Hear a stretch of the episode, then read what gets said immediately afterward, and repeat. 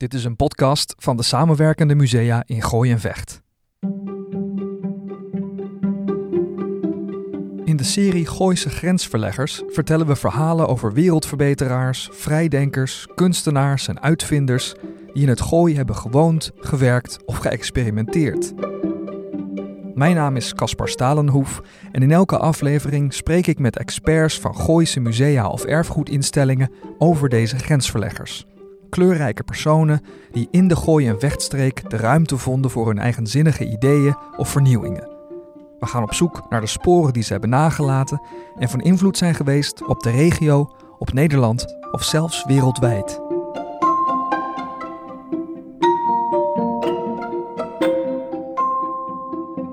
In Hilversum woonden voor de aanleg van de spoorlijn uit Amsterdam nog geen 7000 mensen.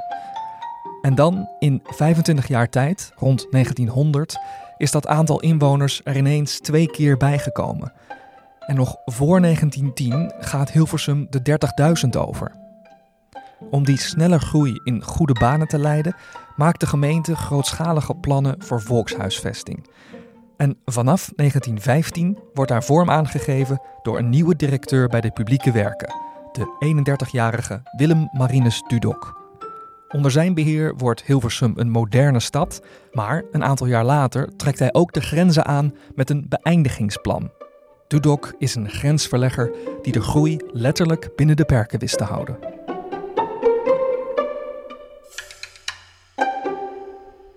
Als directeur publieke werken bepaalt Dudok niet alleen waar de nieuwe huizen komen, maar ook het stratenplan, de pleinen en plantsoenen, het straatmeubilair, de tramlijnen, riolering, elektra- en gasleidingen en de telefoonaansluitingen. Maar onderdeel van de vacature waarop Dudok in 1915 reageert, is ook het ontwerp van een nieuw gemeentehuis. Hij begint daar meteen na zijn aanstelling aan te tekenen, maar het gebouw is om allerlei redenen pas 16 jaar later af. Tegenwoordig is iedereen het erover eens dat hier in het Hilversumse raadhuis alles bij elkaar komt wat Dudok Dudok maakt. Ik heb er afgesproken met gids en architectuurhistoricus Joke Rijgaard en we beginnen in de Witte Trouwkamer.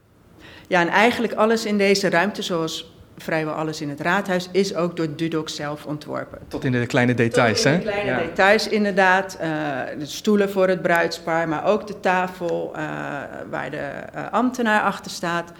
De rode stoelen eh, tegen de mooie witte marmeren muur. Eh, maar ook de kleuren, het tapijt, zelfs de klok aan de muur eh, komt uit Dudoks eh, ontwerppen. Hij ontwierp alles zelf. Aan de buitenkant zijn vooral de wat platte, langgerekte gele bakstenen zichtbaar, die Dudok hier speciaal voor liet maken. En die passen bij de lange horizontale lijnen die de contouren van het gebouw bepalen. Maar Dudok ontwierp van groot naar klein, tot aan de voorzittershamer van de burgemeester en de belettering op de deuren. En alles moest ook bij elkaar passen. Dat merk je ook als je door het raadhuis loopt. Uh, het is niet hetzelfde, het is zeker niet saai, in tegendeel. Maar je ziet heel duidelijk dat het uh, bij elkaar hoort.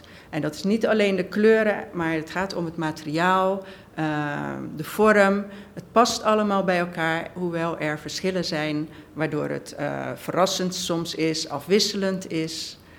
En dat, ja, dat zien we hier in deze trouwkamer door inderdaad de kleuren, maar ook het materiaal. Die afwisseling merk je ook wanneer je buiten voor het raadhuis staat. Als je er een wandeling omheen maakt, zou je vanuit elke hoek een foto kunnen nemen waarop het gebouw er telkens weer anders uitziet. Soms lijkt het op een opeenstapeling van rechthoekige vormen en even later vallen die lange lijnen weer op met de lage zijbeuken die toewerken naar de 47 meter hoge klokkentoren. Afwisselend, maar toch past het bij elkaar. Als een gebouw of een stadswijk dat soort harmonie en orde uitstraalde, noemde Dudok dat monumentaal. En dat gaat door aan de binnenkant van het gebouw. Daardoor ook inderdaad, als je doorloopt, word je ook steeds verrast. Je hebt ineens een, een muurtje of uh, je moet ineens een hoek om, om weer iets te kunnen zien, uh, weer iets te kunnen ervaren, want het is echt een ervaring. Ja, ook die harmonie, zeg maar, dat ritme, dat komt heel erg terug in, uh, in het ontwerp in dit raadhuis. Dudok had muzikale ouders en sprak vaak in muzikale metaforen, die ook meespeelden in zijn ontwerpen voor de stedelijke omgeving van gebouwen. Voor Hilversum ontwierp hij in de jaren 10, 20 en 30 een groot aantal uitbreidingsplannen, die hij op alle denkbare niveaus op elkaar afstemde. En weer van groot naar klein, van stad naar wijk, naar straat, naar gebouw. En dat was nodig in 1915, toen Dudok aantrad, omdat Hilversum, net als andere steden, de problemen ging vertonen van de oprukkende industrialisatie. En hij keek naar de oplossingen die daarvoor werden bedacht in Engeland en Duitsland, waar de industrialisatie al eerder was begonnen, en nu het idee opkwam van de tuinstad. Dat vertelt Irmgard van Koningsbrugge, voorzitter van het Dudok Architectuurcentrum. En dat begrip tuinstad is eigenlijk heel raar, want een stad is geen tuin. Een tuin is een afgebakend geheel. Kijk maar naar alle afbeeldingen die we in alle culturen hebben van tuinen. Dan is een tuin een omheind gebied, gemarkeerd. En binnen die tuin heerst harmonie. Daar ben je gelukkig. Dat idee van een stad als een tuin is een nieuw idee dat niet Dudok verzonnen heeft, maar dat in die geïndustrialiseerde landen, Engeland, Duitsland, uh, ontstaat, ontwikkeld wordt. Hoe kun je dat idee van een tuin, uh, waarin het leven te behappen is, tegenover die metropool die maar groeit en waar niemand vat op heeft en mensen ook zich ontheemd voelen, dat woord is naar mijn idee heel erg belangrijk het ontheemde, je voelt je verloren in de ruimte. Hoe kun je dat idee van een beschermde tuin nu verbinden met ehm, de voordelen van een stad? Ja. Ja, want als je, dat dus, als je daar niet over nadenkt, dan wordt zo'n stad gewoon volgebouwd. Dan wordt zo'n stad volgebouwd met rijen woningen. En dat zie je ook in Hilversum gebeuren. Natuurlijk nog op kleine schaal, niet op de schaal van Amsterdam. Maar toch dat er lange straten worden aangelegd waaraan rijtjes woningen ontstaan. Nou, een lange straat is prima voor verkeer. Je rijdt er snel doorheen. Maar als je nadenkt over wonen met elkaar, je ergens thuis voelen, dan wil je meer openbare ruimte die gebruikt kan worden voor andere dingen dan het verkeer per fiets of per kar en later voor auto. Dan wil je eigenlijk pleintjes hebben, plekken voor ontmoetingen. En dat is precies dat, wat Dudok maakt. En hij vindt dat overigens ook uh, heel erg passen bij het karakter van Hilversum. Want het oude Hilversum, dat kun je op kaarten volgen, maar ook als je nog door de stad loopt, zie je dat. Is een ruimte die naar binnen toe gericht is, naar de brinken, waar allemaal wegen samenkomen. Wanordelijk voor het snelverkeer, maar heel erg goed voor de ontmoetingen. Dat is het karakter van Hilversum. Dat komt voort uit de grond hier. Uh, zandgronden waar je weinig op kunt verbouwen. Dus je moet wel bij elkaar wonen om dat beetje bouwland wat je maakt uh, te kunnen bemesten en te kunnen uh, gebruiken voor, voor voedsel. En daaromheen de woeste grond. Dus om het karakter van Hilversum te bewaren, ontwerpt Dudok de nieuwe arbeiderswijken in de vorm van kleine dorpen op zich. Op centrale plekken komen pleintjes met daaraan vaak een publiek gebouw, zoals een school, een kerk of een badhuis, die voor de oriëntatie in de wijk vaak al op afstand te zien zijn door er torens aan toe te voegen. En voor de verbindingen tussen de wijken ontwerpt Dudok duidelijke zichtlijnen en symmetrische straatpatronen, maar ook hier wordt weer voor afwisseling en verrassing gezorgd met kleine verspringingen, doorbrekingen of onderdoorgangen. Uiteindelijk zal Dudok in de jaren 10, 20 en 30 meer dan 20 Hilversumse wijken ontwerpen, waarbij hij speciale aandacht besteedt aan de vormgeving en inrichting van 19 schoolgebouwen. Terwijl we naar de burgerzaal lopen, vertelt Joke dat Dudok door deze stadsuitbreidingen al in de jaren 20 ook internationaal begon op te vallen. Want van heinde en ver kwamen architecten en stedenbouwers en studentenarchitectuur al naar Hilversum al ver voordat dit raadhuis in gebruik was genomen. En ja, nam men daar dus kennis al van wat Dudok in Hilversum had gedaan. En daarin was Dudok ook een grensverlegger, want die heeft daardoor Hilversum eigenlijk op de internationale kaart neergezet. En toen kwam ook nog eens dat raadhuis daarover. Ja, toen kon het natuurlijk helemaal niet meer stuk. Het liefst leidde Dudok zijn bezoekers zelf rond. Uh, en hij kon dat ook heel goed. Uh, hij kon er ook heel goed over vertellen en was heel charmant wat dat betreft. Dus heel veel van zijn ideeën heeft hij toen al, uh, ja, zijn, of zijn op dat moment al wijdverbreid ja, in de wereld. uitgelegd en Zeker. konden mensen ja. al van leren. Zeker. Ja. En Dudok zal zijn gasten dan ook naar de toren van het raadhuis hebben geleid, waar ze niet alleen met goed weer Amsterdam en Utrecht konden zien liggen, maar vooral natuurlijk de nieuwe stadswijken van Hilversum, die vanaf deze hoogte te zien waren zoals Dudok ze op zijn tekentafel had uitgedacht. Met opzet gaat er geen afgezonderd trappenhuis naar de toren. De route gaat via allerlei omwegen. Een soort zelfsturende rondleiding door het raadhuis. Bijvoorbeeld over de tribune van de raadzaal. Geeft een mooie Oh ja, blik. vanaf hier kan je toekijken. Vanaf hier kan je toekijken. Zodat je als burger kunt zien waar dit gebouw natuurlijk toe dient. Nou, ik heb het treden niet geteld, maar we gaan wel hoog. Nee, ik heb ook nog mensen vragen natuurlijk vaak vooraf van hoeveel treden is het. Ja. Maar ik heb ze ook nooit verteld. Nou, Dus ik zou het niet weten. en uiteindelijk komen we buiten op het niveau van het carillon. Nou, nu komen we buiten. Hier zijn we dan bij het carillon. Oh ja, eh, hier hangen de, de, de klokken. Wow, De klokken zijn ook eh 47 klokken van oorsprong. Later werden- 47 is er nog klokken. eentje bijgekomen, dus het zijn er nu 48. 48. Eh, die pas later, eigenlijk veel later, eh, hier gekomen zijn. Dus niet vanaf de opening, Ja. maar van- van- pas vanaf 1958. Had organisatorische redenen? Nou, dat had financiële redenen. Financieel natuurlijk. Want ja, een, de toren was er en de toren moest ook klokken hebben. Dat hoorde natuurlijk ook bij een raadhuis. Ehm, maar er was geen geld voor. Hmm. Ja, dat Dus- bedoel ik. Dus hij had ze wel ingetekend, maar ze De- hingen er de nog niet meteen. galmgaten, die zaten al, eh, Ja. die waren allemaal voorbereid. Eh, maar dat duurde dus inderdaad nog heel lang voordat ze echt kwamen. En Je kunt normaal nog hoger dan het carillon, maar omdat het geregend heeft en glad is, blijven we nu hier. Maar zelfs door de galmgaten kun je Hilversum om je heen zien liggen. En Irmgard wijst op de groene begrenzing die Dudok aan zijn duinstad heeft gegeven.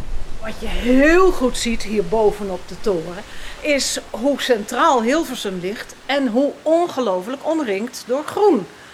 En op het gebied van zijn uitbreidingsplannen en, en, en tekeningen heeft hij heel duidelijk de waarde van de begrenzing eh, aangegeven. En dat viel samen met de waardering voor de natuur. Niet meer de waardering voor de natuur ten behoeve van voedselproductie of brandstof, zoals eeuwenlang gebeurd was. Ja. Ehm, maar nu ten, ten behoeve van de, de geestelijke en fysieke gezondheid van die de als mens. mens gewoon nodig hebt om die te verpozen Precies. en die in de buurt te hebben. Het is de- dezelfde tijd, 1932, wordt het regionaal afgesproken Goois Natuurreservaat opgericht. En in 1933 tekent Dudok, of legt hij daar laatste hand aan zijn uitbreidingsplan, dat een beëindigingsplan is. Beëindigingsplan in Een welke zin? beëindigingsplan dat hij zegt, hier ligt de grens. Ja, en we gaan gewoon niet verder dan dat? We gaan niet verder dan dat. En dat valt dus samen met de beschermingsgrens van het Goois Natuurreservaat. Dus die waardering voor de natuur om te recreëren, eh, fysiek en mentaal, Ja. die heel 20ste eeuws is en van een actualiteitsbetekenis van heb ik jou daar, die is in de jaren 20, de jaren 30 eh, vastgelegd door Dudok. En die bepaalt dus de harde grens die je niet zou moeten overschrijden, want dan verlies je de essentie van de tuinstad Hilversum. En je zegt dus, daar is, dat kun je nog zien, dat is ook wel een beetje bewaard gebleven.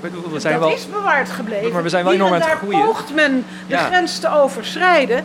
Maar eigenlijk eh, zouden we ook eens een keer een rondwandeling rond, langs de grenzen van Hilversum moeten maken.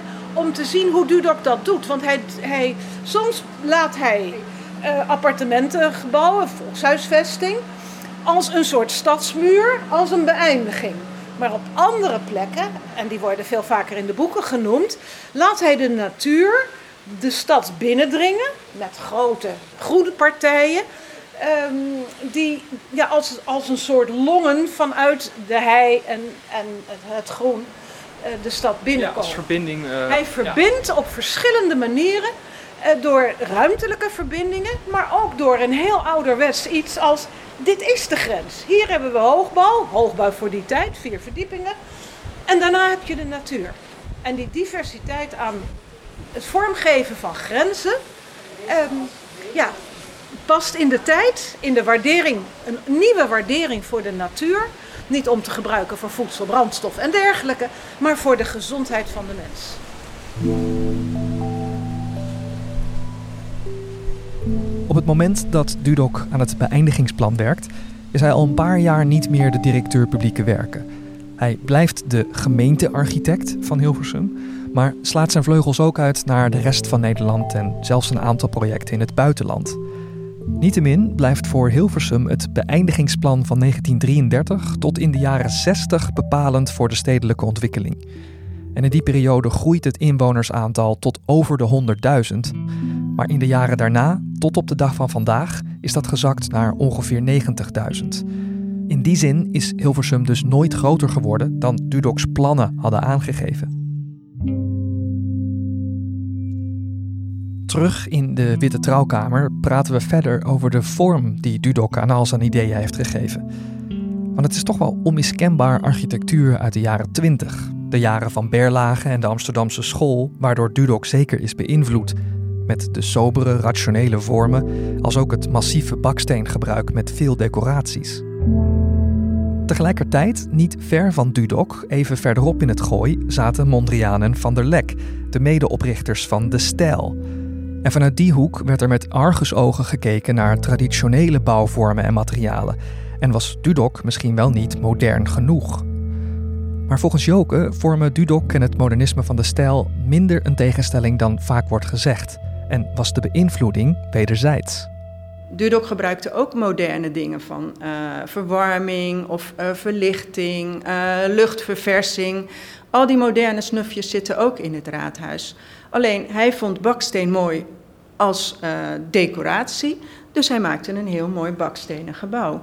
En ja, een, een, trouwkamer moest uitstraling hebben, moest statuur geven. Dus gebruikte je marmer of gebruikte je die mooie rode kleuren of dat mooie hout um, voor zijn ontwerp. Ja. Het is een modern gebouw en de tegenstelling is door de geschiedschrijving aangezet, maar absoluut niet in eigen tijd zo beleefd. Beide waren modern, maar Mondriaan en de zijne braken met het verleden om allerlei redenen, die ook politiek, nadrukkelijk ook door de, door de, de Eerste Wereldoorlog, de grote verschrikkingen, werd ingegeven. Die wilde een internationale stijl maken, vandaar die naam De Stijl.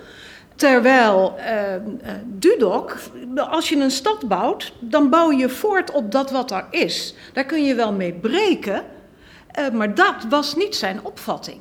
Hij wilde niet de oude stad afbreken, hij wilde de nieuwe stad uh, verzoenen met het landschap, heel erg belangrijk. Dus niet als een, een deus ex machina daar iets nieuws maken, zoals Le Corbusier voorstelde in Parijs. Breek heel Parijs af, althans het middeleeuwse centrum, en bouw daar een tuinstad.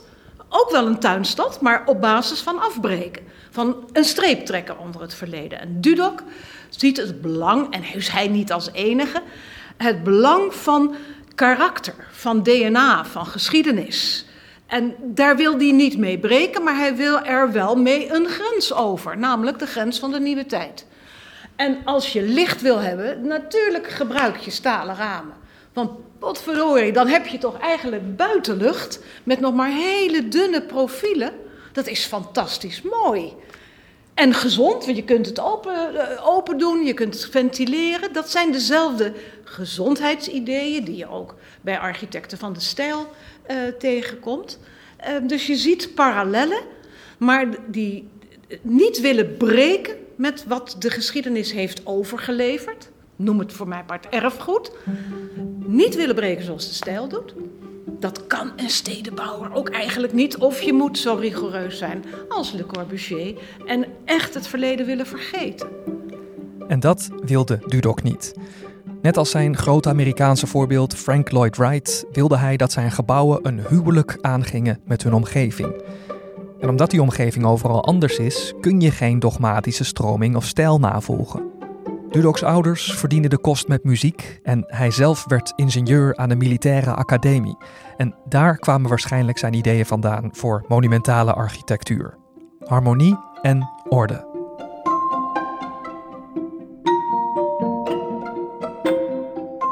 Wie het met eigen ogen wil zien, kan terecht bij het Dudok Architectuurcentrum, gevestigd in het raadhuis van Hilversum, waar tentoonstellingen zijn en waar je kunt aansluiten bij rondleidingen door het gebouw, inclusief de toren.